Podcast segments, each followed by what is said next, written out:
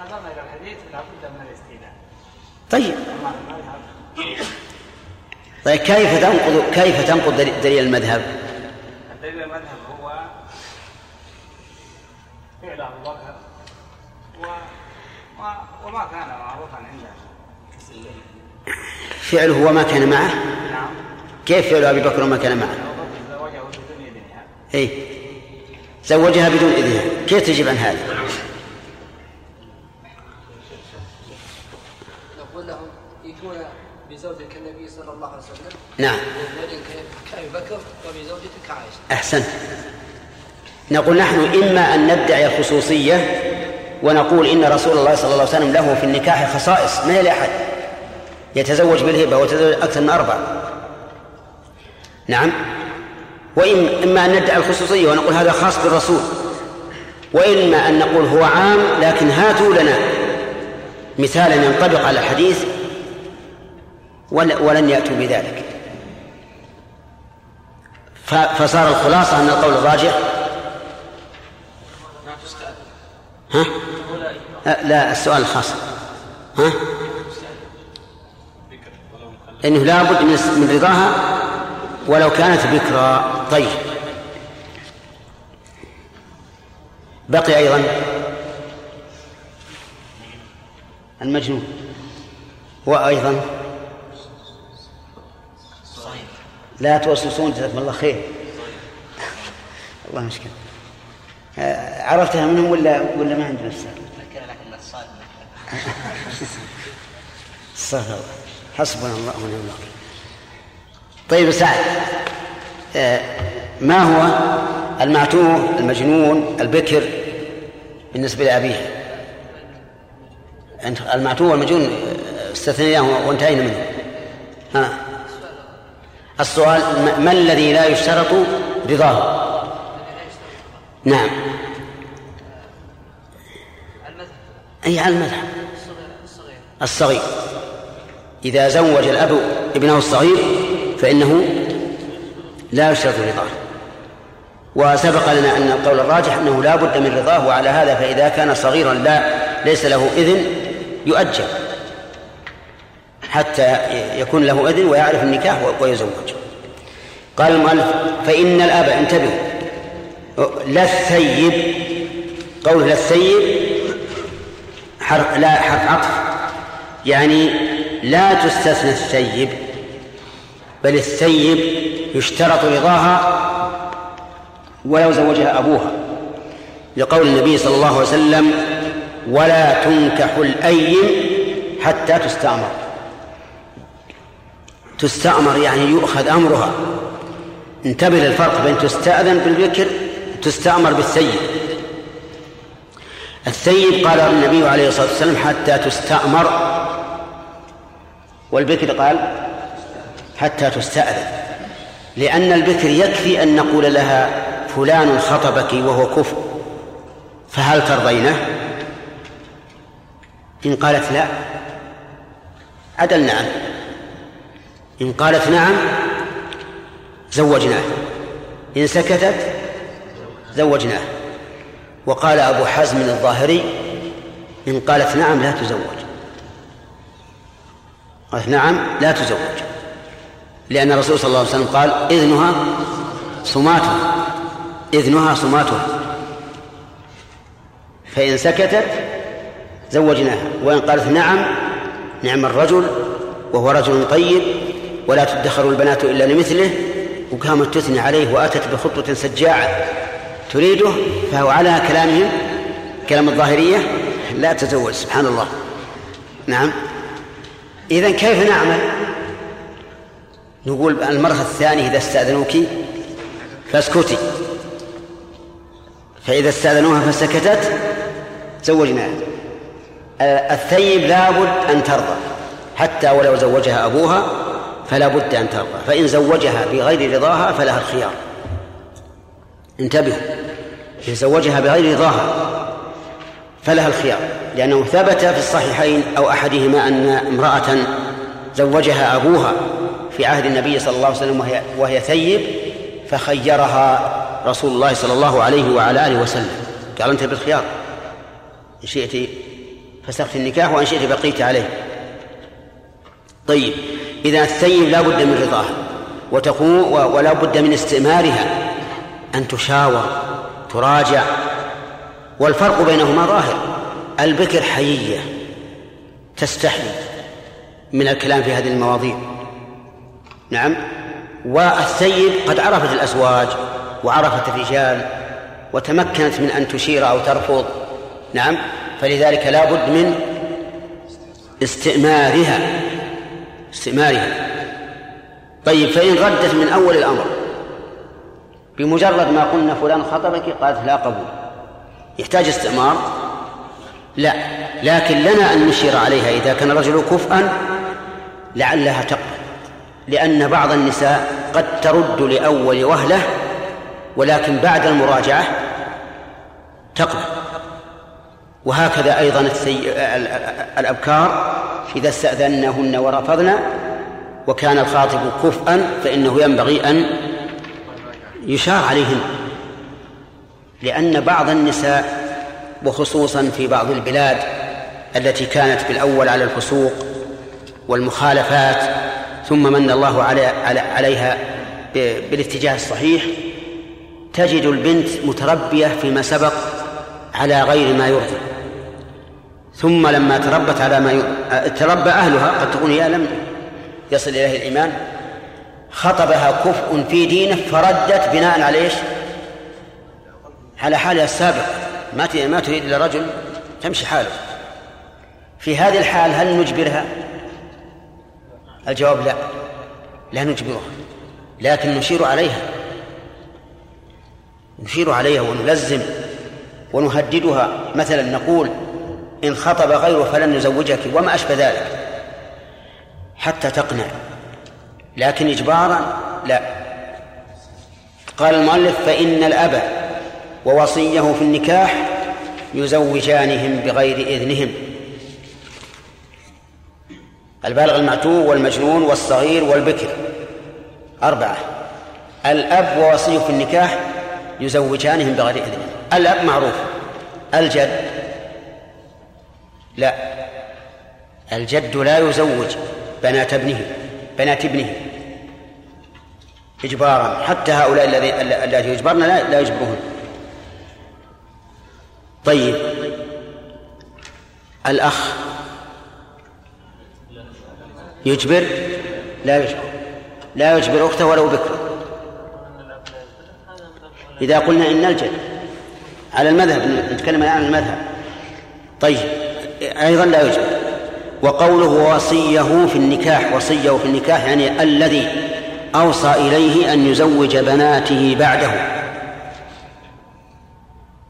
وهذا واقع أو غير واقع؟ واقع.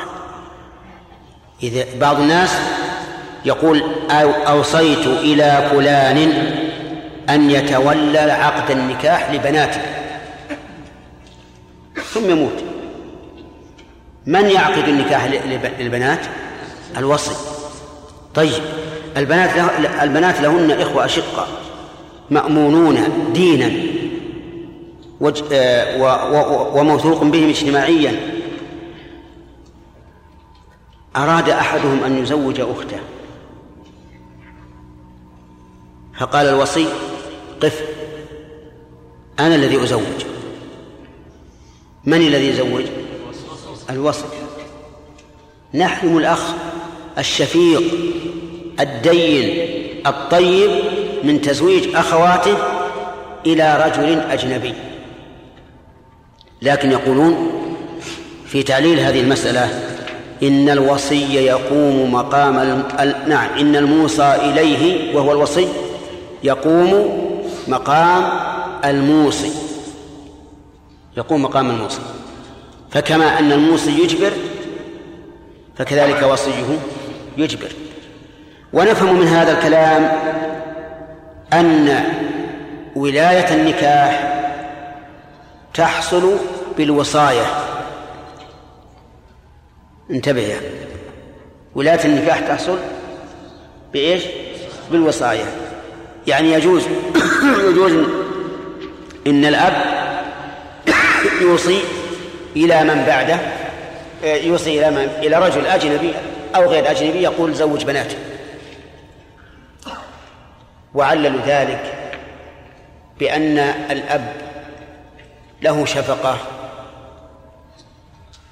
وله نظر بعيد بالنسبة للبنات فقد يرى أن الأولياء ليسوا أهلا ولا ثقة عنده بهم.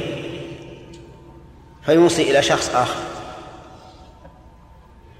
فلهذا قبلنا. وقال بعض العلماء لا تستفاد ولاية النكاح النكاح بالوصاية. لا تستفاد ولاية النكاح بالوصاية. وبناء على ذلك نقول إذا مات الموصي بطلت الوصية. بل إن الوصية من الأصل لم تنعقد وهذا القول هو الصحيح لأن ولاية النكاح ولاية شرعية تستفاد من من؟ من الشرع طيب هل وكيل الأب يقوم مقامه؟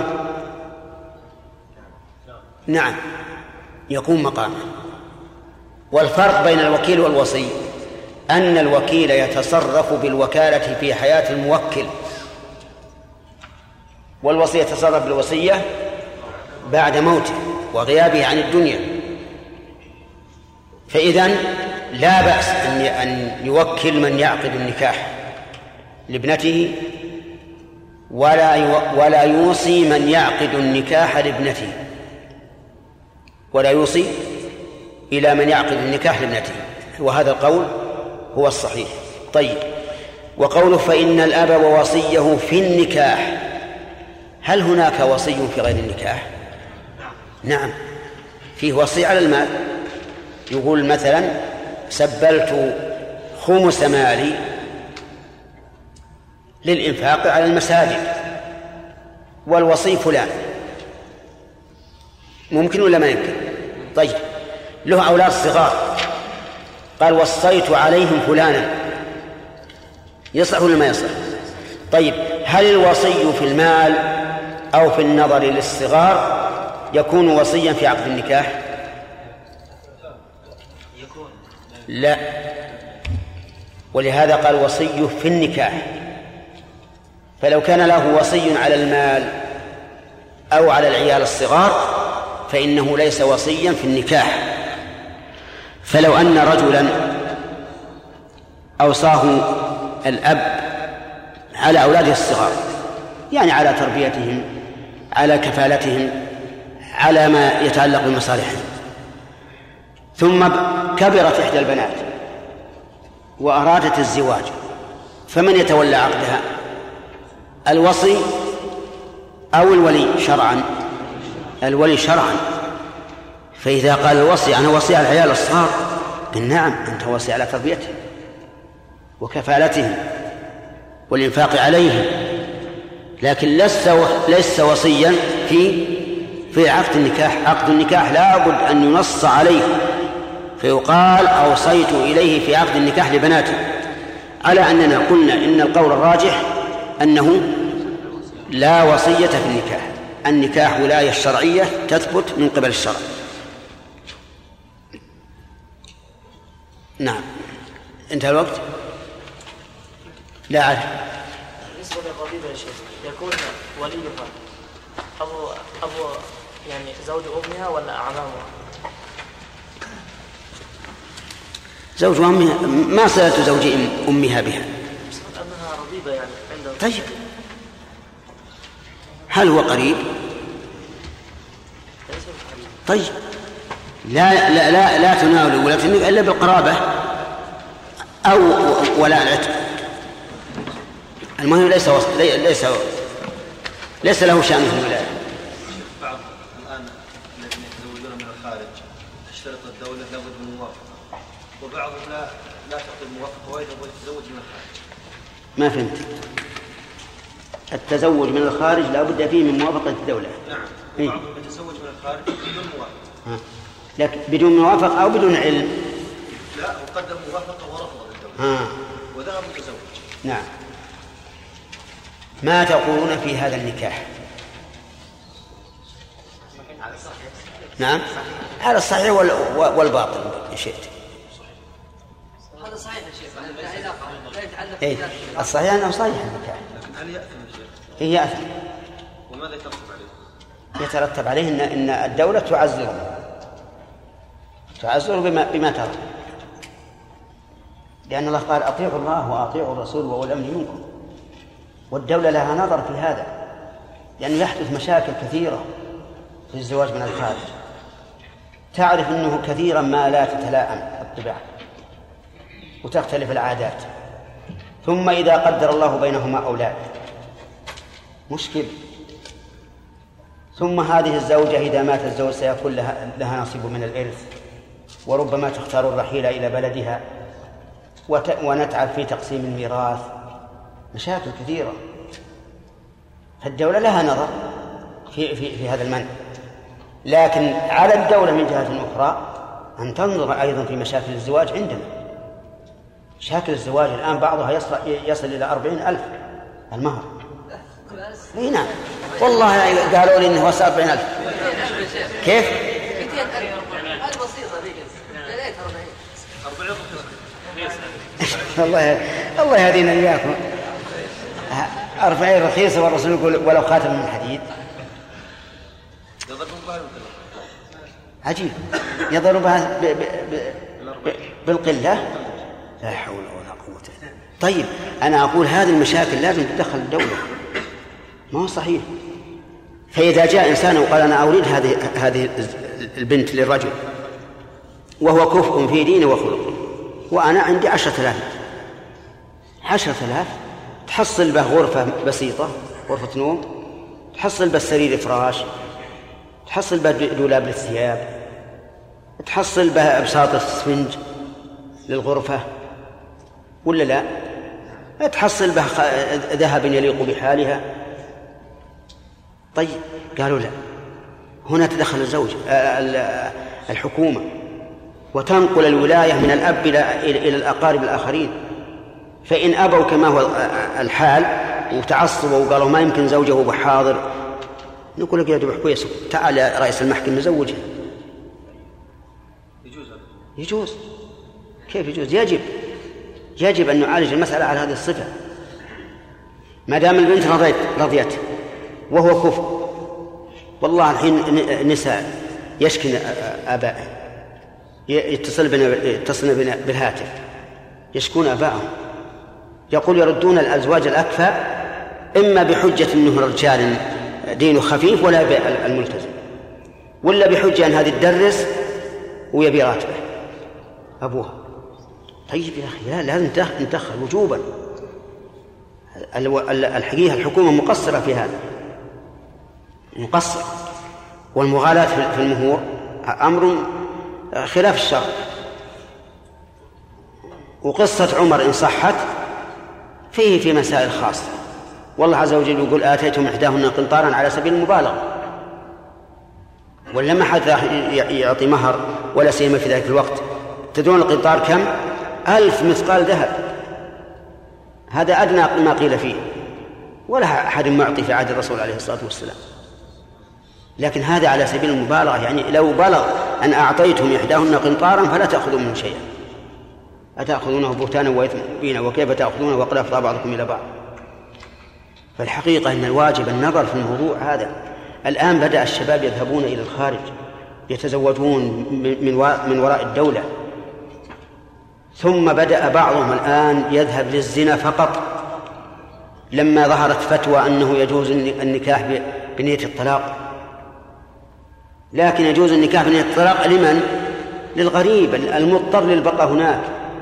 لشغل غير ال- ال- الجماع. بدأ الآن يروحون يصيفون مثلا في محل محل ويأخذ الواحد ب- باليوم أربع زوجات. إذا صار ما عنده أحد هنا. أربع زوجات لأنه هناك رخاص يمكن يحصل واحد يمكن يحصل واحد بخمسمائة ريال أو بألف ريال. فالحين هذه مشكلة يعني ما زالت تشغل بالي مشكلة المهور. هو السبب الرئيسي الذي يجعلهم يتزوجون من الخارج ما في شك. طيب هل يأتمون على هذا؟ من اللي يأثم؟ المتزوج هذا؟ إيه يأثم يأثم كما أنه لو أخذت الدولة ماله فليصبر. هذا منعته حقه فليصبر. يحتسب. لأنه وجدنا مشاكل. ثم الآن بدأ الناس اللي, اللي في الخارج بدأوا ينظرون إلى شباب السعودية نظرة سيئة. يجي الواحد يتزوج له أسبوع أو أسبوعين ويروح يخليه. إما يطلقه ما ويريحه وهذا أهون ولا خليه يسكت يقول ربما أجي إلى البلد مرة ثانية. مشاكل يعني أصبح الناس كالثيران و- والتيوس شيخ والحديث الصحيح الذي ياتي معناه ان رجلا من الصحابه تزوج وقال الرسول على كم؟ قال على وجه من الذهب وخطبه قال كانما تنكحون على أربعمائة درهم. قال كأنما تنحت الفضة من هذا الجبل. أي ما يحق له أن يقدر صداق أفضل أفضل النساء من 400 إلى 500 درهم. زوجات الرسول وبناته. ما تزيد على 500 درهم. ها؟ ها؟ بسيطة. 200 56 200 درهم 56 ريال. و200 درهم 56 ريال كم؟ 112 أ- أضف إليها 28 ها؟ 140 هذا سهل 140 لكن أنتم وحشتونا قلت قلت 40 يضربها المثل في القلة. الله يهديه خالد الله يهديه ما عنه على كل حال أقول هذه مسائل يعني مشكلة. الشباب بين أمرين إما أن يسيحوا إما أن يسيحون وأقول هذا وهو نادر ثبوت النون لأن المسألة كلها شاذة. فالمشكلة هذه مشكلة صعبة صعبة جدا للغاية ويخشى على الشباب من الانزلاق لأنه مهما تصبر الشاب ما يستطيع. هذا شيء جعله الله في في في بني آدم. وأقول لكم ليس ذلك ليس ذلك خاصا بالرجال. حتى النساء ما تستطيع الآن وأصبح بعض النساء مع توسع الأفق الآن في المعلومات وكون المرأة تقرأ وكونت تسمع وكونت تشاهد. راح عنها الحياة اللي, اللي كان فيما سبق. ذهب عنها. صارت الآن مثل الرجل. تتصل بالإنسان تقول دور لي واحد ابن حلال. طيب. هل هل عهد هذا في النساء من قبل؟ ابدا ولو قيل واحد من خاطب قامت تبكي بالليل والنهار. فالحاصل إن المسألة أصبحت مشكلة رئيسية في مجتمعنا ونسأل الله أن يهدي الحكومة لحلها. لأنها مشكلة مشكلة غاية. فنرجو الله أن ييسر. نعم طيب. أن الذي لا يشترط رضاهم ولا إذنهم أربعة أصناف. الأول عبيد الله المجنون والثاني والثالث والرابع البكر. البكر ولو مكلف ولو مكلفة. تمام. من الذي من الذي يتولى تزويجهم بلا إذنهم حمد؟ تزويج هؤلاء الأربعة بلا إذنهم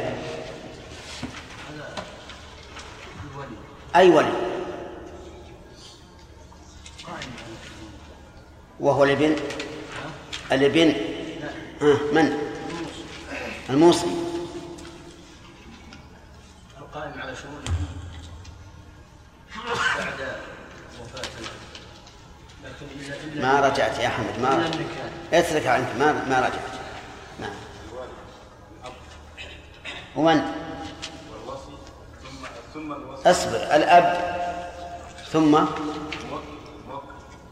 قبل الوكيل يعني. أي خطأ. ثم خطأ. الأب وصي في النكاح. الأب وصي في النكاح. طيب. هل هل الجد يزوج هؤلاء؟ طيب ولذلك يقول المؤلف رحمه الله ولا يزوج باقي الأولياء. هذا مبتدا درس اليوم. قال ولا يزوج باقي الأولياء صغيرة دون تسع. بأي حال من الأحوال؟ كيف؟ إيه؟ كالسيد مع إمامه مع إمائه يعني معناها أن السيد يجوز أن يزوج إماءه بدون إذنهن لأنه مالك لهن ملكا مطلقا ولكن هذا القول وإن كان صحيح من حيث النظر لكن يجب أن يقال إنه لا يجوز له أن يجبرهن على النكاح لما في ذلك من من الإيلاء من الإيلام لهن وإدخالهن حياة تعسة. وقوله وعبده الصغير يعني فله أن يزوجه بلا إذنه كما أن للأب أن يزوج ابنه الصغير بلا إذنه وقد سبق أن في هذا نظرا بالنسبة للأب مع ابنه الصغير فيكون كذلك فيه نظر بالنسبة للسيد مع عبده الصغير. ثم قال ولا يزوج باقي الأولياء صغيرة دون تسع أي ولي كان حتى لو كان أرأف بها من أبيها فإنه لا يزوجها. فلو كان لرجل ابنة ابنة ابن لها أقل من تسع سنين خطبها منه إنسان فإنه لا يجوز أن يزوجها. قال ولا يزوج أيضا صغيرا. لا يزوج يعني باقي الأولياء صغيرا. لأنه ليس له ولاية عليه ولاية تامة ولا شفقة كشفقة الأب ولأنهم إذا زوجوا الصغير ألزموه بمقتضيات النكاح من النفقة وغيرها وهذا لا يجوز إلا للأب. كذلك لا يزوج باقي الأولياء كبيرة عاقلة يعني إلا بإذنها. كبيرة عاقلة إلا بإذنها. الكبيرة هنا يعني البالغة العاقلة ضد المجنونة إلا بإذنهما. وكذلك لا يزوجون بنت تسع ولو لم تبلغ إلا بإذنها. وأفادنا المؤلف أن النساء بالنسبة لغير الأب ووصية ثلاثة أقسام. بالغة عاقلة ودون التسع وبنت تسع. بنت دون التسع لا تزوج أبدا. الكبيرة العاقلة تزوج بإذنها ولا إشكال. ما بين تسع سنين إلى البلوغ تزوج على كلام المؤلف بإذنها وقيل لا تزوج لأنها نعم لأن لأنها ولو أذنت وهي دون البلوغ فإنها قد تأذن بدون معرفة. قد يأتيها أخوها أو جدها يقول نزوجك فلان. فلانا ويتكلم معها بكلام يغريها وتوافق. فصار الآن ما دون التسع تزوج أو لا؟ ولا إشكال في ذلك. البالغة العاقلة إذا أذنت تزوج ولا إشكال في ذلك. ما بين التسع إلى البلوغ على رأي المؤلف كالبالغة. والصحيح أنه أنها ليست كذلك وأن إذنها غير معتبر وذلك لأنها لا تفهم مصالح النكاح كما ينبغي. قال ولا بتسع إلا بإذنهما. إذنهما الضمير مثنى يعود على إيش؟ الكبيرة العاقلة وبنت التسع. وفسر الإذن الإذن بقوله وهو صمات البكر ونطق الثيب. طيب صمات البكر يعني سكوتها. قال في الشرح ولو ضحكت أو بكت. أما إذا ضحكت فرضها واضح. وإذا بكت ها؟ ما هو واضح. هم يقولون ربما تبكي لفراق أهلها. إذا استأذنها في النكاح عرفت أنها ستغادر أهلها وتفارقهم فتبكي خوفا من ذلك. فلذلك نقول ما دامت لم تصرح بالرفض فإن بكاءها لا يدل على عدم رضاها. بل قد يدل على رضاها لأنها إذا إذا تزوجت نعم فارقت الأهل.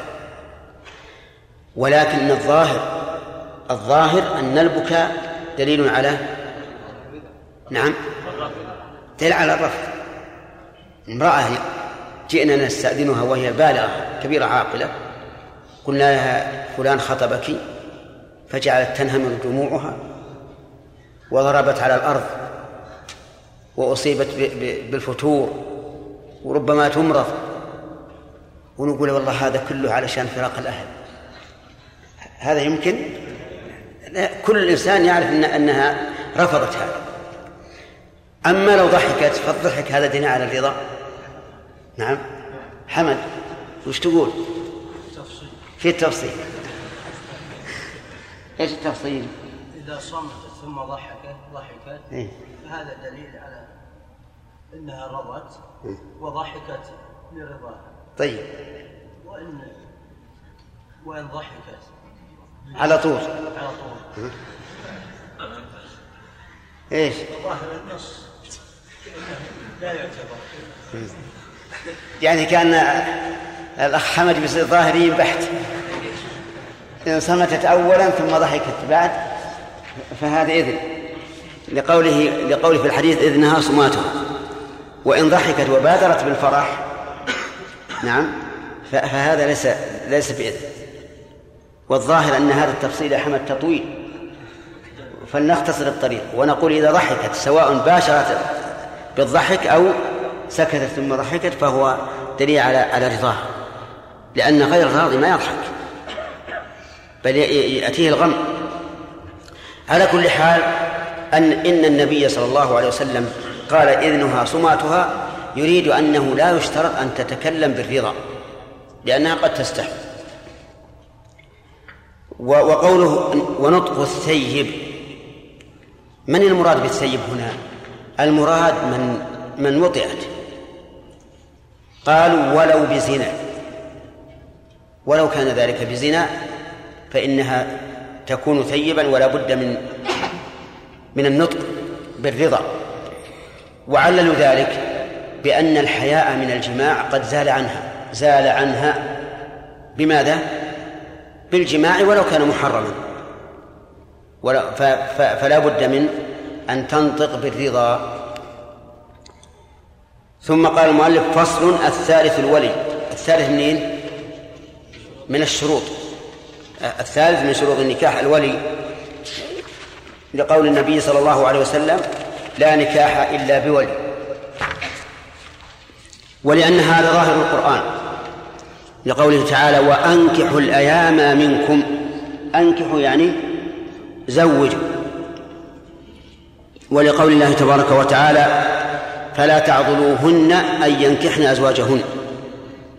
ولو لم يكن للولي أثر في عقد النكاح لم يكن للنهي عن عضله فائدة. لأننا نقول عضل أم لم يعضل تتزوج. فدل ذلك على أن يعني ظاهر القرآن أنه لا بد من الولي.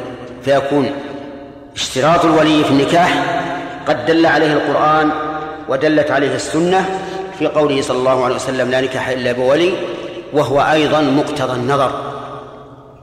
مقتضى النظر الصحيح أنها لا تتزوج إلا بولي. وذلك أن المرأة ضعيفة التفكير. قريبة النظر ربما يأتيها شخص يغرها بهيئته أو يغرها بلسانه أو يغرها بماله أو ما أشبه ذلك وهو ليس بكفر. نعم يأتيها رجل يخطبها وهو جميل المظهر نظيف الثياب طويل القامة ومن أحسن الرجال ويقول لا يخادعها بما يرى أنه يخدعها ثم توافق. فيقول طيب نجيب المأذون يعقد النكاح اعقدي لنفسك. هذا لا يمكن. أو يأتيها رجل ومعه صرة من الذهب يحملها قد كلفت يده ويقول أنا شوف اللي عندي. نعم فيغرها على أنه إيش؟ غني والصرة مستعيرة من جار ولا مال منها ولا ولا دينار واحد. فيغرها هذا أيضا يمكن. كذلك ربما يغرها بحسن النطق ولين الجانب كما كما وجد ذا الآن. الآن بعض النساء المسكينات ينخدعن بالموافقة على إنسان كلمهن بالتلفون أو غير ذلك وأظهر أنه من من أحسن الناس خلقا. ثم إذا تزوجت وجدته أسوأ الناس خلقا. شبكة. فلهذا لا بد من الولي. فدل على اشتراط الولي الأدلة الثلاثة الكتاب والسنة والنظر الصحيح. أما الإجماع فلا فإن بعض العلماء خالف في ذلك لكنه لكن المخالف قوله ضعيف. ثم قال وشروطه أي شروط الولي التكليف. والتكليف يعني به يعني به البلوغ والعقل. فالصغير لا يكون وليا. والمجنون من باب أولى. وذلك لأن الصغير والمجنون هما محتاجان لولي. هما محتاجان لولي. وبناء على ذلك لو وجدت امرأة لها عم كف في الولاية ولها أخ صغير لم يبلغ شقيق من يزوجها؟ عمها. وأخوها الشقيق ولو لم يكن له ولو لم يكن بينه وبين البلوغ إلا يوم واحد فإنه لا يزوجها بل يزوجها العم. الثاني يقول الذكورية يشترط في الولي أن يكون ذكرا فلا ولاية للأنثى. وعلى هذا فالأم لا تزوج بنتها. لاشتراط الذكورية. طيب الخنثى يزوج أو لا؟ لا يزوج لأنه لابد من الذكورية. الثالث الحرية. وضدها الرق. فالرقيق لا يزوج لأن الرقيق نفسه مملوك فكيف يزوج؟ والصحيح أنه يزوج. وذلك لأن الرقيق قد يكون من أعلم الناس بأحوال الناس. والمقصود بالولاية أن تكون المرأة عند زوج كفر. فإذا كان هذا الرقيق قد عاش في المجتمع وعرف الناس عن طريق سيده أو عن طريق مباشرة الناس فلماذا نقول إنه لا يصح أن يكون وليا؟ ليس هذه ولاة مال حتى نقول الرقيق لا, لا يملك ذلك في نفسه فلا يملكه في غيره. هذه ولاة نكاح. وكما أن الرقيق يعقد لنفسه فهو يعقد أيضا لغيره. فالصواب أن اشتراط الحرية؟ لا. ليس بثابت. قال والرشد في العقد. هذا أهم ما يكون من الشروط. الرشد في العقد. وذلك أن يعرف الكفؤ ومصالح النكاح. يعني يكون رجلا عاقلا ذكيا يعرف الكفر ويعرف مصالح النكاح وماذا يحصل به من المصالح وماذا ينذر به من المفاسد. لا بد أن يكون رشيدا. طيب فإن كان رشيدا في العقد غير رشيد غير رشيد في المال. يضر ولا لا يضر. لأن الرشد في كل موضع بحسبه. فهذا رشيد في العقد لكنه غير لكنه غير رشيد في المال بمعنى أنه لا يحسن التصرف في أمواله. نقول يصح أن يكون وليا في في العقد مع أنه بالنسبة للمال محجور عليه لا يتصرف بدون إذن الولي. طيب الرشد في العقد قال المؤلف واتفاق الدين سوى ما يذكر استثنى من هذا. اتفاق الدين بأن تكون المرأة ووليها على دين واحد. إن كانت مسلمة فلا بد أن يكون وليها. إن كانت نصرانية فلا بد أن يكون وليها نصرانيا. إن كانت يهودية فلا بد أن يكون وليها يهوديا. لا بد من اتفاق الدين. قال سوى ما يذكر. عندي بالشرح يقول سوى ما يذكر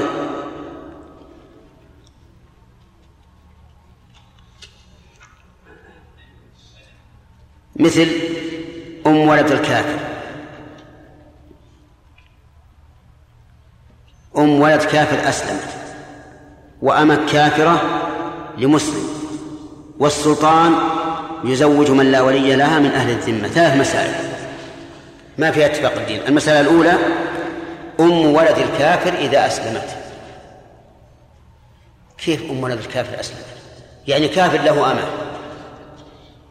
وتسراها وأتت منه بولد ثم أسلمت فهنا له أن يزوجها له أن يزوجها وإن كان هو كافرا لأنها أم ولده وكذلك أيضا أمة كافرة لمسلم له أن يزوجها يعني رجل له أمة كافرة فيجوز أن يزوجها لأنها أمته ولو اختلف الدين. طيب أمة مسلمة لكافر؟ يعني عكس المسألة هذه. هذا لا يمكن لأن المسلم لا يمكن أن يقر بيد الكافر.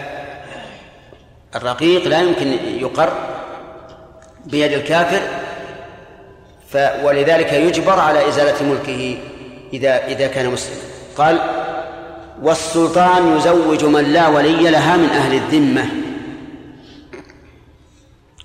السلطان يعني رئيس يعني رئيس الدولة. في في الأمة أي في رعيته أناس من أهل الذمة. فوجد امرأة من أهل الذمة ليس لها ولي. من يزوجها؟ السلطان وهو مسلم وهي كافرة لدعاء الحاجة إلى ذلك. وظاهر كلام المؤلف أن المسلم لا يزوج ابنته الكافرة. أن المسلم لا يزوج ابنته الكافرة. يعني مثلا لو كان رجل آه، له بنت كافرة فإنه لا يزوجها. أليس كذلك؟ نعم نعم. لكن نقول هذا غير متصور لأن المسلمة إذا كفرت فهي مرتدة ولا تقر على دينها بل يقال أسلمي أو القتل. نعم. صار يستثنى من هذه المسألة من اتفاق الدين؟ ها؟ ثلاث مسائل. أم الولد إذا كان سيدها كافرا فأسلمت. والثانية؟ أمت؟ أمة مسلمة عند كافر. والثالث؟ لا أمة كافرة عند مسلم أمة كافرة عند مسلم. والثالث السلطان يزوج من لا ولي لها من أهل الذمة. قال والعدالة. العدالة الشرط للولي. والعدالة سبقت لنا آنفا يعني ليست بعيدة بأنها استقامة الدين والمروءة. فإذا كان الولي غير مستقيم الدين فلا ولاية له فليس له ولاية. إذا كان الولي يشرب الدخان فليس له ولاية. انتبه. لا تحترز يا حمد إلى الآن ما وصل الترجيح. لا ليس له ولاية. إذا كان حالق اللحية ليس له ولاية. إذا كان يسبل الثوب ليس له ولاية إذا اغتاب الناس ولو مرة واحدة ولم يتب ليس له ولاية لو أننا طبقنا هذا الشرط نعم لوجدنا أكثر الناس لا يزوجون بناتهم. من يسلم من الغيبة؟ دعونا من حلق اللحية و... والإسبال وشرب الدخان. لكن الغيبة من يسلم منها إلا من شاء الله. يعني يمكن المسجد المسجد فيه خمسمائة نفر لا تجد إلا واحدا أو اثنين يسلمون من الغيبة. وهذا الشرط ضعيف. والصواب أنه لا تشترط العدالة لكن يشترط أن لا يرضى لها غير كفء. فإن رضي لها غير كفء ومنعها من أن تتزوج بكفء قلنا أنت صفر على اليسار. ولا ولاية لك. كما يوجد الآن من بعض الآباء الفسقة. إذا خطب ابنته شاب مستقيم في دينه وخلقه منع. رجاء أن يأتي شاب فاسق لأن الفاسق يحب الفاسقين. فهل نقول هذا الرجل له ولاية؟ لا. هذا ليس له ولاية لأنه أخل بمصلحة البنت. لكن إذا كان فسقه لا يخل بمصلحة المرأة فإنه لا يسقط لا تسقط ولايته ولهذا نجد بعض الآباء يشرب الدخان لكن نظره لأولاده أكثر من نظر من لا يشرب الدخان. أليس كذلك؟ يوجد ناس يعني عنده نظر لأولاده وشفقة ورحمة ومحبة خير وهو يشرب الدخان أكثر من من لا يشرب. فالصواب أن العدالة فيها تفصيل. إذا كانت تخل بمصلحة المرأة فلا بد منها. إذا كان فقدها يخل بمصلحة المرأة فلا بد منها. وإذا كان لا يخل فليست بشرط فليست بشرط طيب. المؤلف رحمه الله يقول العدالة لكن استثنى منها أيضا في الشرع. قال إلا في سلطان. وسيد يزوج أمته يعني استثنى مسألتين فإنه لا تشترط العدالة. السلطان يزوج من لا ولي لها فلا فلا تشترط العدالة. فلا تشترط العدالة. لأننا لو اشترطنا في السلطان العدالة لكان في ذلك تضييق على المسلمين. فإذا قدرنا أن السلطان يشرب الخمر ويقتل ظلما ويلعب بالقمار. هل نقول تسقط ولايته على المسلمين أو لا؟ لا تسقط هو ولي. ولي على المسلمين ولو فعل ما فعل من الفتور. ما لم نرى كفرا فواحد عندنا فيه من الله برهان. إذا إذا زوج السلطان من لا ولي لها من المسلمين ولكنه فاسق فالعقد صحيح. كذلك يقول المؤلف السيد مع أمته. السيد مع أمته ولو كان فاسقا يزوجها. ولكنه يجب أن نقول كما قلنا في الأول لا بد أن أن يكون فسقه لا يخل بإيش؟ بمصلحة المرأة. إن كان يخل فلا. طيب ما رأيكم بكافر يزوج ابنته الكافرة لمسلم؟ يعني نصراني يزوج بنته النصرانية لمسلم. صحيح؟ لأن اتفاق الدين موجود. وليس وليس يشترط أن يتفق دين الزوج ودين الولي. المهم أن أن يتفق دين الولي ودين المرأة. طيب لو لو عقد له هذا الأب النصراني بعقد غير إسلامي. يصح أو لا؟ وهو مسلم الزوج مسلم. عقد له بعقد غير إسلامي يقول هذا لا يصح. لكن ماذا نصنع؟ في ما في في في بعض البلاد الكافرة يتزوج المسلم من هناك بالزواج أو بالعقد العرفي عندهم. نقول يعقد ظاهرا ويجب ولكنه لا تستباح به المرأة حتى يعقد على الطريقة الإسلامية. وذلك لأنه إذا عقد على الطريقة الإسلامية هناك ما يعطونه آه، تصريحا بأنه بأن هذه المرأة زوجته.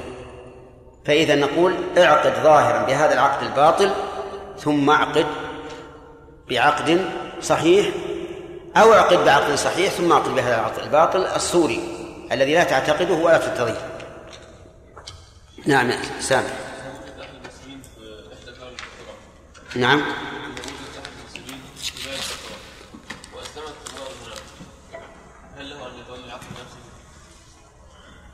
سمعتم السؤال؟ يقول امرأة أسلمت وأبوها كافر في بلاد الكفر فأراد مسلم أن يتزوجها وليس هناك ولي كل أقاربها كفار. كل أق... ف... فكيف أصنع؟ نقول إذا كان هناك رابطة إسلامية في هذا المكان فإنه يعتمد يعتمد وإن لم يكن فإنه يتزوجها هو يزوج نفسه لأنه لم لا يوجد ولي شيخ لو أسلم رجل من عائلة كافرة وبقيت العائلة على كفرها فهل يتولى هذا الرجل زواج بناته الكافرات؟ مو اشترطنا انه اتفاق الدين؟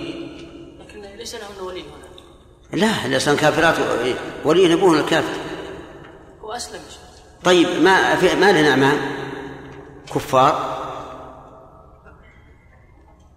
هو مسلم وهم بس إذا اشترطنا اتفاق الدين. أما إذا قلنا إنه لا يشترط إن الشرط أن لا يكون آه، الولي مثل أقل منه في الدين فهذا لا بأس.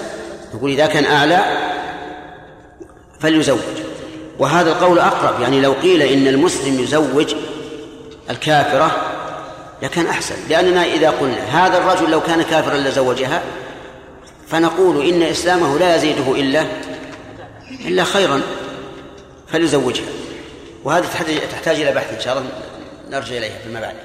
نعم. الله يا شيخ. إذا عقد على الكتابيه عقد صوري إيش؟ آه، إذا عقد عليها عقد صوري يعني آه، على الطريقة غير الاسلاميه نعم. لابد يعقد عقد صحيح أين ياتي بالولي؟ ربما الولي؟ آه، يرفض لا لا وليها أبوها.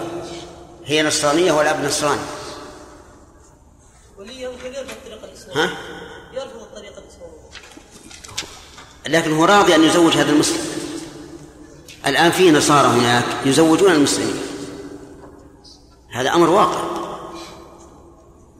فخطب خطب منه المسلم ورضي ورضت ال- ال- البنت أيضا لو اشترط غير الطريقة الاسلاميه كيف؟ لو اشترط غير الطريقة الاسلاميه ما يخالف نخليها صورية لأنه هي ما هي بالمشكلة عند العقد المشكلة أنه لا يمكن يعطى أو تضاف إليها المرأة هذه إلا بمقتضى عقودهم فقط. نعم. في غالب بلاد الكفار إيش؟ في غالب بلاد الكفار المرأة تزوج نفسها بغير ولي. ففي هذه الحالة ما يكون هناك ولي يعني سواء كان عقد صوريا أو عقد شرعيا فإيش حكم هذا الزواج؟ ما لها أقارب مسلمين أقول ليس لها أقارب. وهي مسلمة. كافرة أو مسلمة. لا إذا كان كافر ما هو مشكلة. زوجها أبوها الكافر. ما يزوجها أصلا هي تزوج نفسها. ما عندهم هذا. يا يعني لا ما هو شرط الولي عندها. ما عندهم شرط أصلا. ما هو شرط. طيب يقال للأب وش يضرك إذا زوجتها؟ أصلا يعني أحيانا قد تكون هي منفصلة عنه تخرج إلى بلد بعيد أو إيه. لابد إذا كان لها ولي لابد يزوجها وليها. أو يوكل. يقول انتهى الوقت.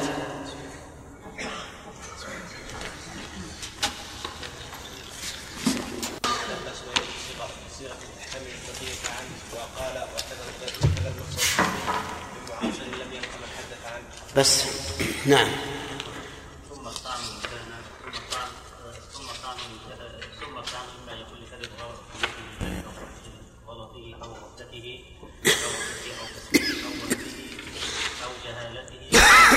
لا أو وهمها أو مخالفته أو كسبه أو وهمه أو مخالفته. أو جهالته ال- بدعته بدعته أو سوء بس بس. نعم الأول الأول موضوع والثاني مشروط والثالث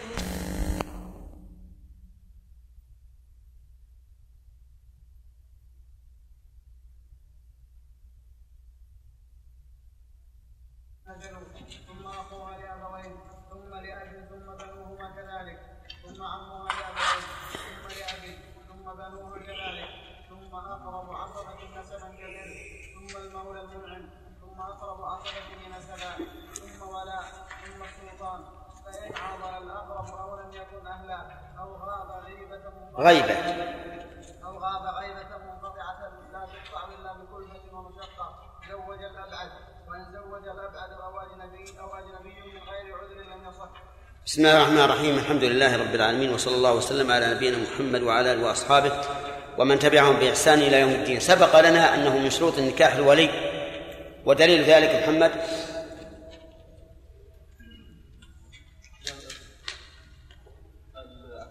من وانكح الأيام نعم. منكم.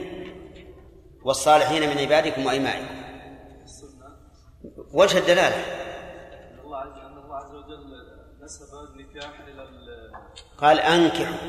نعم ولم ينسبه إلى نفس ال- المراه يعني طيب. ولو ولولا أن الولي شرط لوجه الخطاب إلى إلى المرأة. طيب هذا واحد. صحيح. ومن السنة؟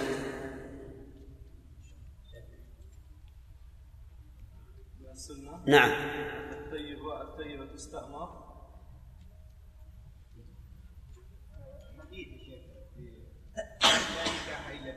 نعم. قول النبي صلى الله عليه وسلم لا نكاح إلا بولي. فإذا قال إنسان لا نكاح تام وكامل وليس المعنى لا نكاح صحيح. يقول أن الأصل اننا ننظر إليه من جهة الصحة يكون النفي نفي الصحه فإن وجد صالح يصرفه فهو لل- للكمال. وهنا لا صالح يصرفه فتؤيد يؤيد القرآن ولا. صحيح.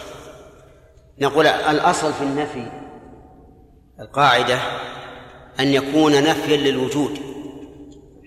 فإن تعذر فللصحة. فإن تعذر فللكمال. مفهوم يا عبد الله؟ طيب. الأصل في النفي أن يكون للوجود. ثم؟ ثم؟ ثم للكمال. طيب. فإذا ورد نفي نقول أول نشوف هل يمكن المراد نفي وجوده؟ إذا قال لا يمكن. مثل لا صلاة بعد الفجر حتى تطلع الشمس هل هذا نفي لوجوده؟ ليش؟ لأن الإنسان يمكن يصلي يمكن يصلي إذا هو نفي للصحة طيب لا صلاة بحضرة طعام هل هذا نفي للوجود؟ لأن الإنسان قد يصلي وهل هو نفي للصحة؟ لا لأن الصلاة تصح ولو حضر الطعام إذا هو نفي لإيش؟ للكمال. فلا نكاح إلا بولي نقول نفي للصحة هذا الأصل. طيب الولي له شروط.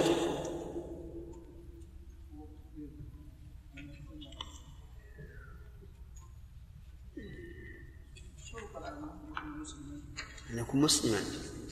إذا أبو الكافرة لا يزوجها. تبقى النساء الكافر كلهم ما يتزوجن.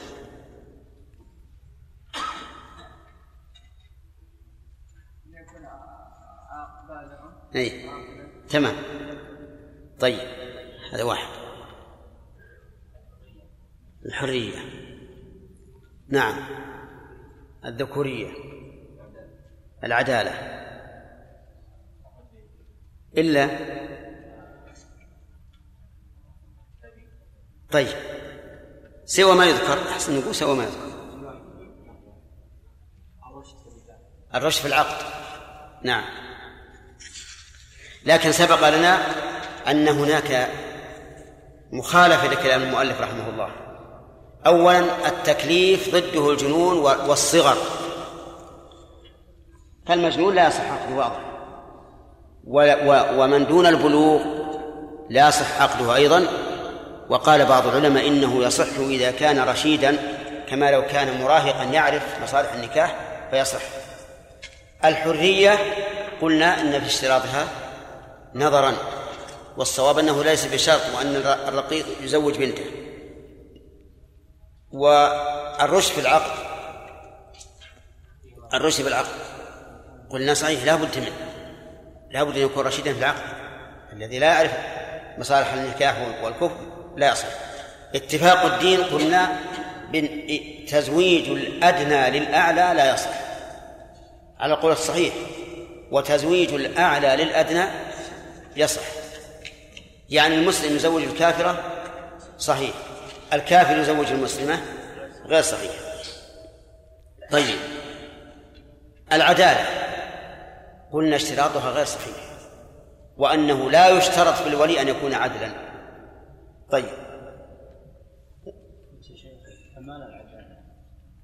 نعم. لا لا يمكن أن ان ان يتزوج أن يزوج من كان عدلا ولو اننا اشترطنا ذلك لنزعنا ولاية النكاح من عامة الناس اليوم. يقول مالك رحمه الله فلا تزوج امرأة نفسها ولا غيرها. هذا مبتدأ الدرس اليوم. طيب. قال فلا تزوج امرأة نفسها ولا غيرها. نعم. لا تزوج امرأة نفسها لأنه لو لأنه لو صح أن تزوج نفسها لم يكن لاشتراط الولي فائدة. فلو زوجت نفسها لم ينعقد. وأما قول النبي صلى الله عليه وعلى آله وسلم الثيب أحق بنفسها فمراده بذلك إذنها في النكاح. لا لا أن تزوج نفسها. وظاهر كلام المؤلف أن المرأة لا تزوج نفسها ولو في حال الضرورة. كما لو كانت امرأة في بلد ليس لها فيه ولي وليس فيه سلطان مسلم فإنها لا تزوج نفسها. إذا ماذا تفعل؟ قلنا يزوجها من كان ذا سلطان في محلها ولو كان مديرا على مجتمع إسلامي. كإدارات الجمعيات الإسلامية في أمريكا وغيرها ينظر إلى المدير فيزوج لأن هذا المدير ذو سلطان في مكانه. ولكن إذا لم يكن هناك أحد كرجل وامرأة هربا من بلادهما. وفي أثناء الطريق قال الرجل مشكلة مع هذه المرأة. أنا لا أصبر عن عن المرأة. نعم. هل أزني بها ولا أتزوجها بالنكاح؟ فماذا يصنع؟ يتزوجها بالنكاح. طيب هل يكون هو الولي؟ أو هي الولية؟ نعم في هذا قولان للعلماء. منهم من يقول إنه يزوجها نفسه فيسألها يقول هل ترضين أن أتزوجك؟ فإذا قالت نعم قال زوجتك نفسي. وينتهي الموضوع. طيب ما عندنا شهود؟ ضرورة صحيح. أو يقال هي اللي تزوج فيقول أنت أترغبين أن تزوجين نفسك؟ تقول نعم. يقول زوجيني فتقول زوجتك نفسي فتقول قبلت. فيقول قبلت. أيهما أقرب إلى الصواب؟ الثاني أقرب إلى الصواب. الثاني أقرب. لأن الآن ليس عندنا ولي شرع شرعي. وإذا لم يكن ولي شرعي فهي أحق بنفسه والمسألة الآن ضرورة. ضرورة لا, لا لن يصبر عنها مثلا. فهل هذا العقد الذي عقدناه على وجه الضرورة بهذه الكيفية أو أن يزني بها؟ الأول لا شك أن الأول أفضل. طيب. وقوله ولا غيرها أي لا تزوج غيرها معلوم لأنها إذا لم تمكن إذا لم تمكن من تزويج نفسها فعدم تمكينها من تزويج غيرها من باب أولى. وعلى هذا يا عبد الله فالأم لا تزوج بنتها. والأخت الكبرى لا تزوج الأخت الصغرى. طيب. ثم قال في ترتيب الأولياء ويقدم أبو المرأة في إنكاحها. ها؟ في إنكاحها. اكتب إنكاحها. ما ما, ما في نكاحها ما يصح هو لا بيتزوج امرأته بنته؟ ما يصلح في إنكاحها في عقد النكاح لها. لكن لا بد من مراعاة الشروط السابقة. الثاني قال ثم وصيه فيه. وهذا هو المشهور من المذهب أن وصي الأب بمنزلة الأب. فلو أوصى إلى شخص قال وصيي بعد موتي في تزويج بناتي فلان بن فلان. ومات الرجل. وله أب. وله أبناء. أبوه جد البنت وأبناؤه إخوان البنت. فهل جدها يزوجها؟ لا ولا إخوانه. وهذا هو المذهب والصواب خلاف ذلك. الصواب أن الولاية لا تنال بالوصاية. وأن يقال ويقال أنت أيها الأب حقك في الولاية ما دمت حيا.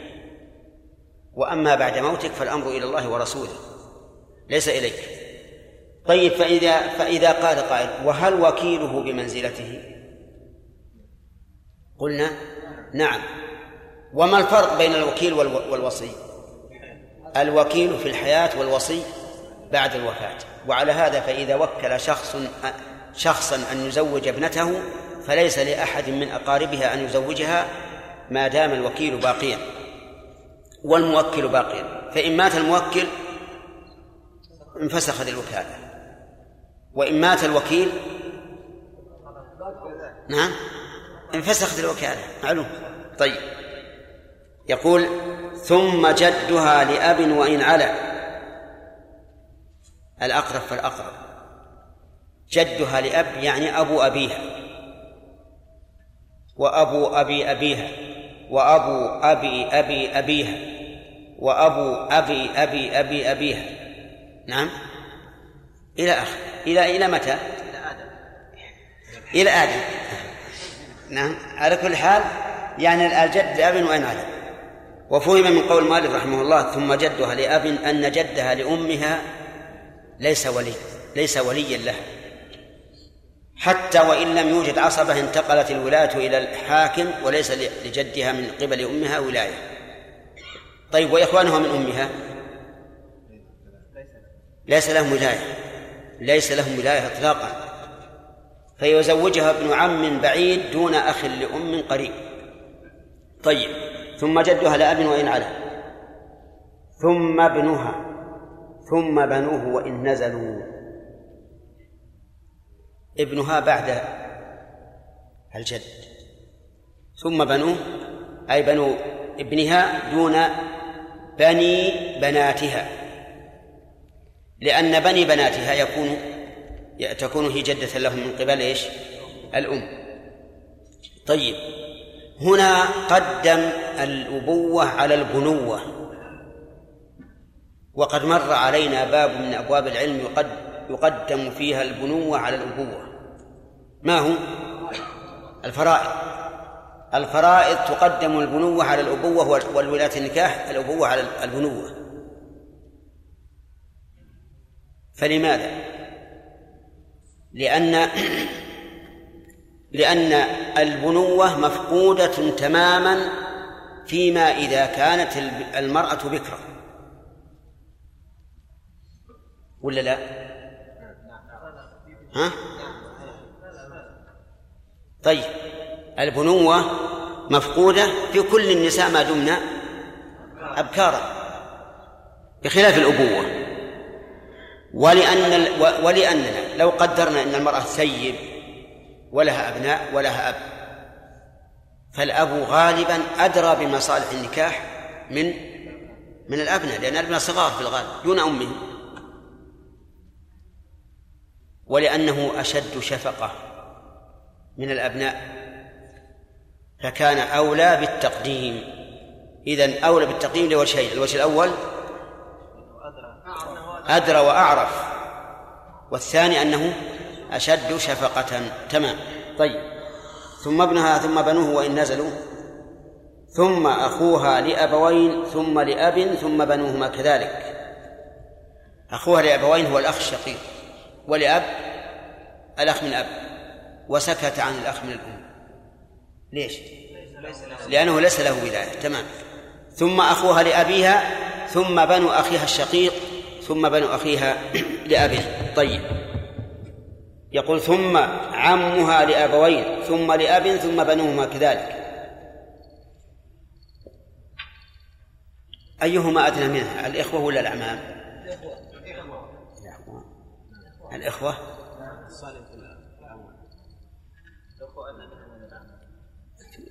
تجتمع فيهم بمن؟ تجتمع بهم في الأب والأعمام في الجد وإن على فصار الإخوة أقرب.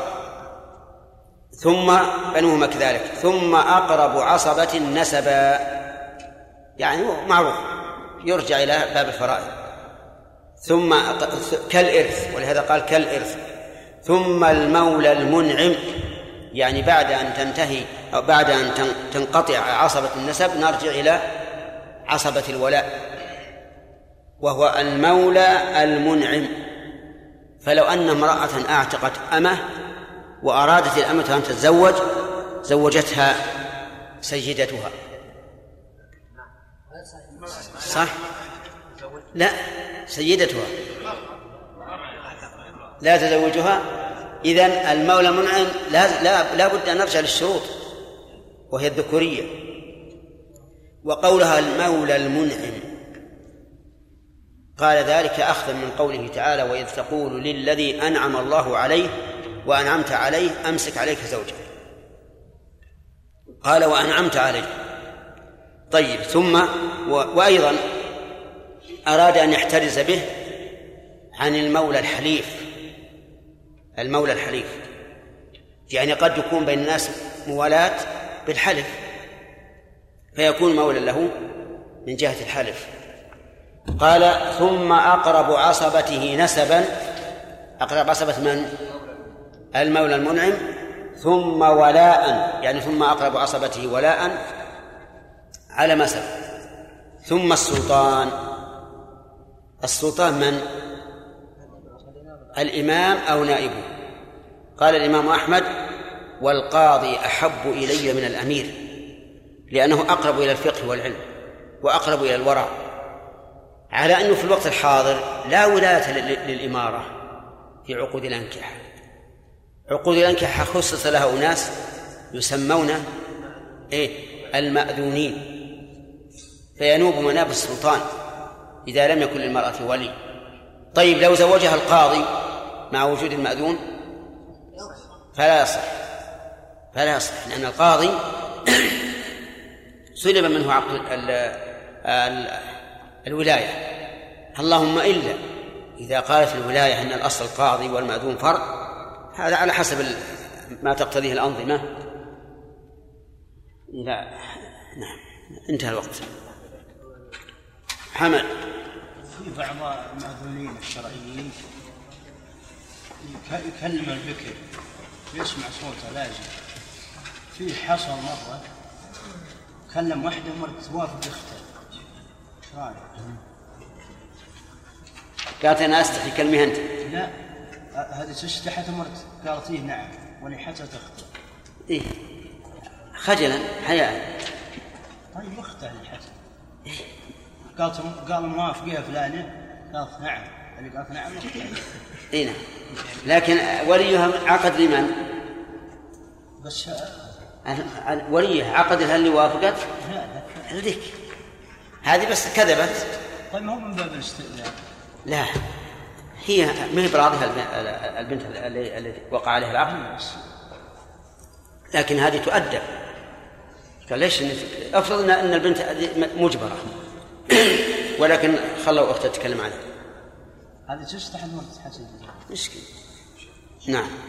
شيخ مسألة الرجل والمرأة اللذين يحبون جواز التحريم هذا ضرورة إذا مثلا وصلوا إلى البنيان وجدوا المال هل يعيد النكاح أو إيش؟ لا لا لا لا إعادة أبدا إذا قلنا صح صح. نخبة الفكر. سبق لنا بيان من الأولى بالتزويج. ما هو- ما هو سؤال هذا سبق لنا بيان من الأولى بالتزويج. وذكر الم- المؤلف رحمه الله وفهمنا من كلامه أنه لا ولاية لأحد من ذوي الأرحام. كالخال وابن الأخت وابن العمة وما أشبه ذلك. والأخ من. وكذلك لا ولاية لأحد من ذوي الفروض. الذي لا يرث إلا بالفرض فقط. مثل الأخ لأم. طيب. فيقول الآن قال فإن عضل الأقرب زوج الأبعد عضل بمعنى منع. إذا إذا منع الأبعد من تزويج إذا منع الأقرب من تزويج موليته قال لا أزوجها. انتقلت الولاية إلى غيره إلا أن يكون هناك سبب شرعي اقتضى أن يمتنع. فإن كان هناك سبب شرعي فإنه لا يزوج الأبعد. مثال ذلك خطب المرأة رجل معروف بسوء آه نعم بنقص الدين. بنقص الدين. والمجتمع كله أو غالبه أحسن منه. وإنما قلت المجتمع كله غالبه لئلا يرد علينا أنه لو كان مستوى المجتمع بهذا بهذه المثابة أي مستواه على مستوى الخاطر فهنا نقول يزوج ما دام لم يكفر. يعني لو فرضنا أن عامة المجتمع يشرب الدخان أو عامة المجتمع يحلق اللحية هل نرد هذا؟ ونحن لا ندري متى يأتينا واحد بالألف غير حالق اللحية وغير شارب الدخان. الجواب؟ لا نمنعه. لا نمنعه. لقول الله تعالى فاتقوا الله ما استطعتم. و و وكما أن أننا إذا لم نجد حاكما إلا فاسقا فإننا نولي الأمثل فالأمثل من الفاسقين كذلك هذا. لكن لو كان هذا الرجل يأتي بمعصية نادرة في المجتمع ثم إن الأقرب قال لا أزوج هذا الرجل هذا يشرب الخمر هذا. يمارس المخدرات وما أشبه ذلك فله الحق وليس لأحد أن يزوج إذا رفض الأقرب فإن رفض وقال أنا أرفض هذا الخاطب لأنه بينه وبينه سوء تفاهم فيما سبق ولا يمكن زوج بنتي أو أختي أو عمتي. ماذا نقول؟ هذا عاضل ولا غير عاضل؟ هذا عاضل. تنتقل الولاية إلى آخر. تنتقل الولاية إلى آخر. لأنه عضل بغير حق. طيب. وقوله عندي بالشرح قيد المسألة بتقييد غريب قال بأن منعها كفءا رضيته ورغب بما صح مهرا. كفءا إن أراد بدينه فنعم وإن أراد بحسبه فلا. كذلك قوله ورغب بما صح مهرا رغب الخاطب ودفع مهرا يصح. نقول نعم لأنه إذا لم يدفع مهرا يصح فإن هذا الزواج يكون زواج هبة والهبة لا تكون إلا للرسول صلى الله عليه وسلم. قال أو غاب أو لم يكن أهلا. لم يكن الضمير يعود على من؟ يا إخوان على الولي على الولي. يعني أو لم يكن الأقرب أهلا. مثل أن يكون فاسقا أو كافرا أو مجنونا أو ما أشبه ذلك. أو طفلا. الثالث أو غاب غيبة منقطعة. وفسر المنقطعة بقوله لا تقطع إلا بكلفة ومشقة. هذه ثلاثة. إذا غاب غيبة بعيدة لا تقطع إلا بكلفة ومشقة. فإنه يزوج الأبعد. لكن الأبعد الذي هو أقرب الناس إليها بعد الذي كان غاب. لماذا؟ لأن في هذا مشقة. وقيل إن الغيبة لا تقدر بكونها لا تقطع إلا بكلفة ومشقة بل غاب غيبة يفوت الخاطب الكفء بمراجعته فيها. وهذا أصح. يعني غاب غيبة لو أخرنا الخاطب الكفو فاتت الخطبة بأن يقول الخاطب أنا أحدد لكم يوما اليوم ما يمكننا نذهب إلى فلان نأتي به أو نأخذ منه وكالة. فحينئذ إيش نعمل؟ يزوج الأبعد لأن هذا يفوت الخاطب الكفء على المرأة طيب في عندنا الآن في بلادنا واحد مثلا أبوها المخطوبة أبوها في في الدمام وهي في جدة أبعد ما يكون بين من المسافة في المملكة هل يزوج الأبعد في هذه الحال؟ ليش؟ لأنه سهل يعني يمكن يوم واحد أقل من يوم. يتم الموضوع. يكتب بفكس وكالة ويرسلها بدقائق. واضح؟ لكن فيما سبق لما كان الناس يمشون على الإبل يبياخذ المسافة من جدة إلى إلى الدمام شهر ونصف 45 يوم رايح 45 جاي. الجميع تسعون, تسعون يوما أي ثلاثة أشهر. هل نقول للخاطب انتظر حتى ننطر عن الأب؟ قال لنا متى؟ ثلاثة أيام؟ قلنا لا. ثلاثة أسابيع؟ قلنا لا. كم؟ ثلاثة أشهر. قال إن شاء الله نشأ الولد بعد ثلاثة أشهر عندي ندور غيره. أليس كذلك؟ لكن الآن الحمد لله المواصلات سهلة. طيب هذه ثلاث أشياء. إذا لم يكن أهلا وإذا عضل وإذا غاب. قال المؤلف لو جهل مكانه لو جهل مكانه. لنفرض مثلا أن هذه المرأة وليها أخوها. أخوها ذهب إلى لشرق آسيا يقول بيدعو إلى الله أو بجاهد أو ما أشبه ذلك ولا ندري أين هو. يزوج الأبعد يزوج الأبعد ليش؟ لأن هذا مجهول مكانه. ما ندري متى متى نعثر على مكانه ثم متى نأخذ الإذن منه. قال زوج الأبعد. لكن المشكلة الآن أن الناس لا لا يجرؤون على هذه المسألة. تجد الأب يمتنع من تزويج ابنته لأن الخاطب لم يعطه ما يرضيه من المهر. المهر أربعون ألفا. هو قال أعطي البنت أربع- أربعين ألفا. وأعطني أنا عشرين ألفا وأعطي أمها عشرة آلاف وأعطي عمتها خمسة آلاف وأعطي خالتها ألفين ونصف نعم؟ هي وأعطي الراعي السجارة وهات لنا راعي وخادم وما أشبه. طيب هذا هذا الآن عضل. لو قلنا لأخيها زوجها أو قلنا لعمها زوجها يقولون والله ما نقدر. ما نقدر نخدم على الأب.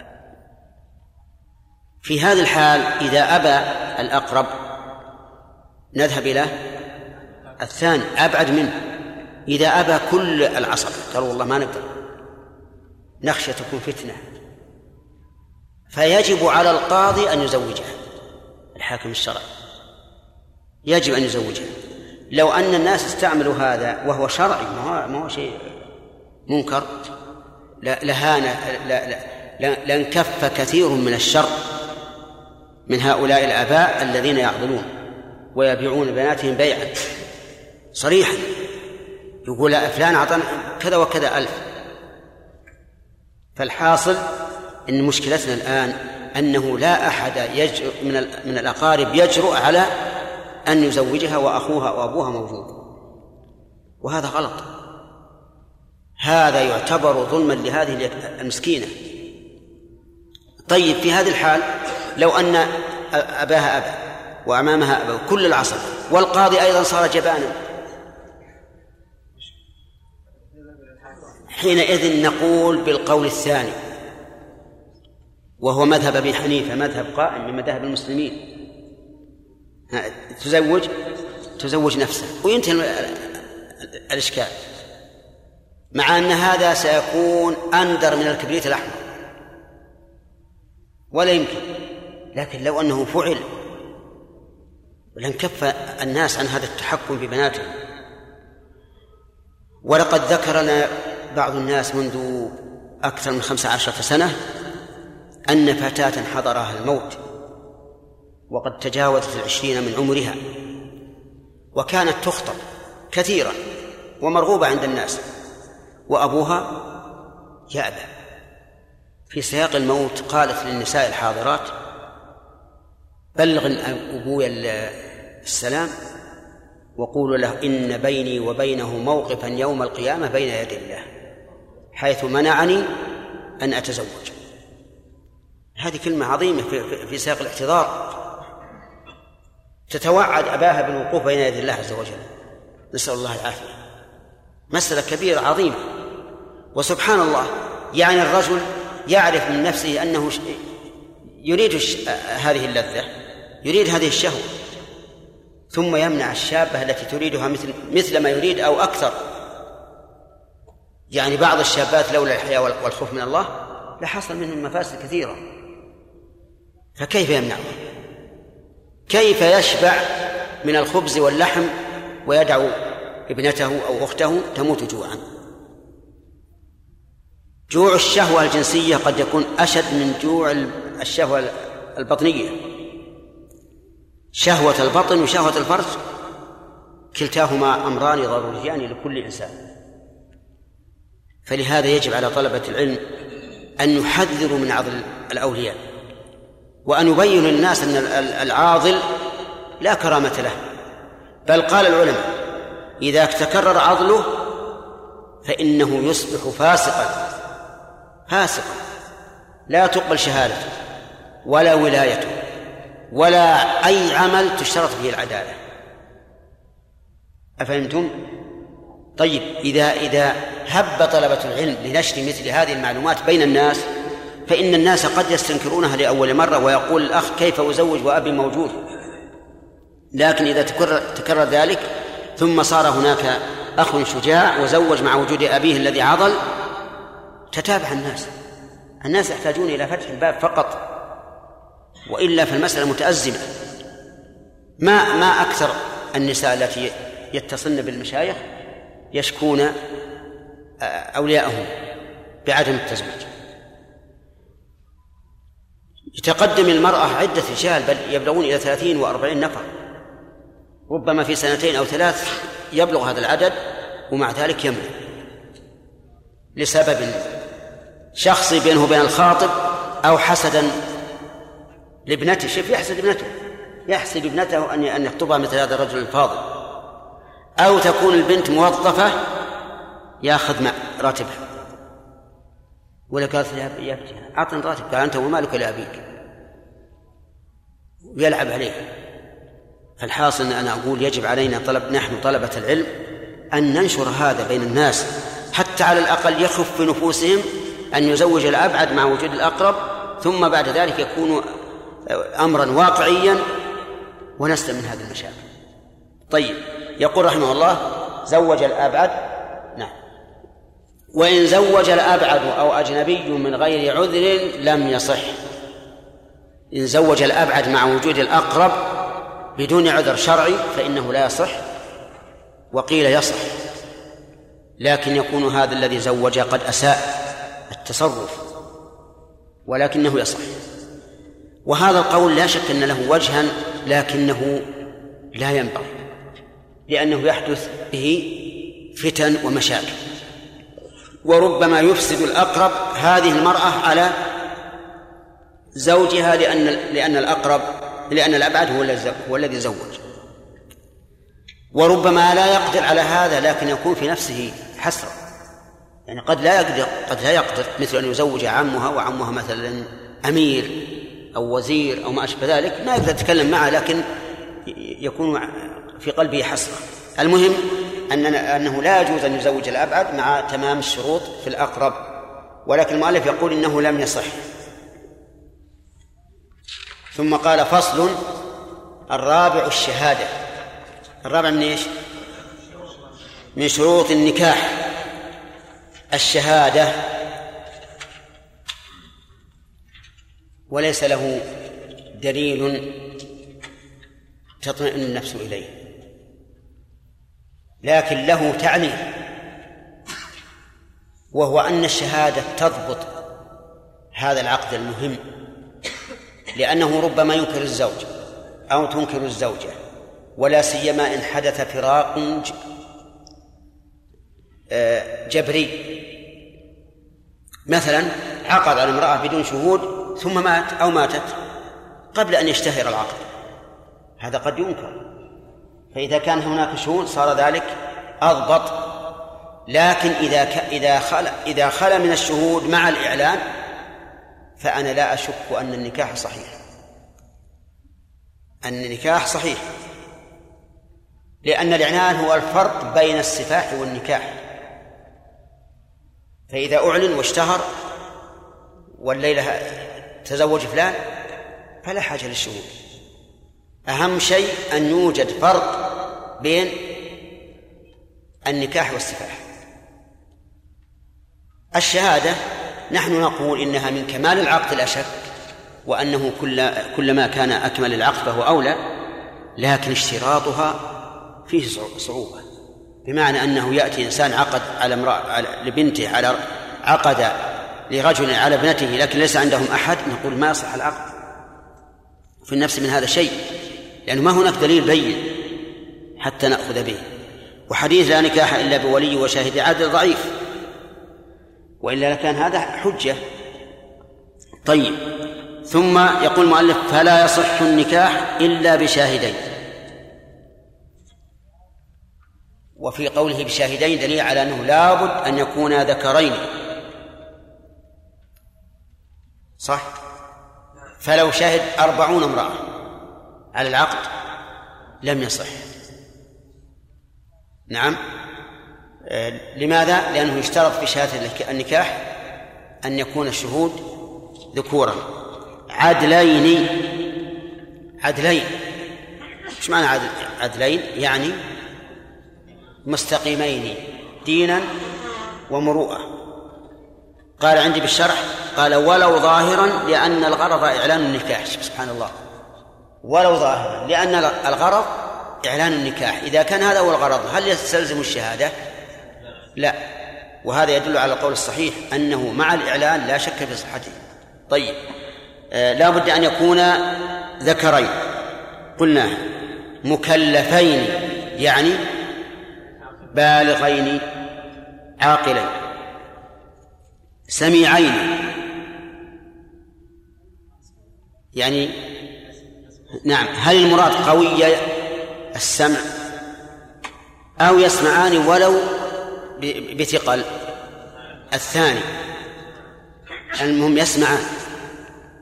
فإذا أردنا أن نعقد النكاح لشاهدين لا يسمعان قويا. فإن الولي يأخذ بأذن أحدهما ثم يقول للزوج زوجتك بنتي. ويأخذ بأذن الثاني ويقول له زوجتك بنتي. نعم. ولكن هذا ليس بصحيح. اشتراط أن يكون سامعين ليس بصحيح. الشرط أن يفهم العقد. حتى لو فرض أنه كتب الإيجاب بورقة.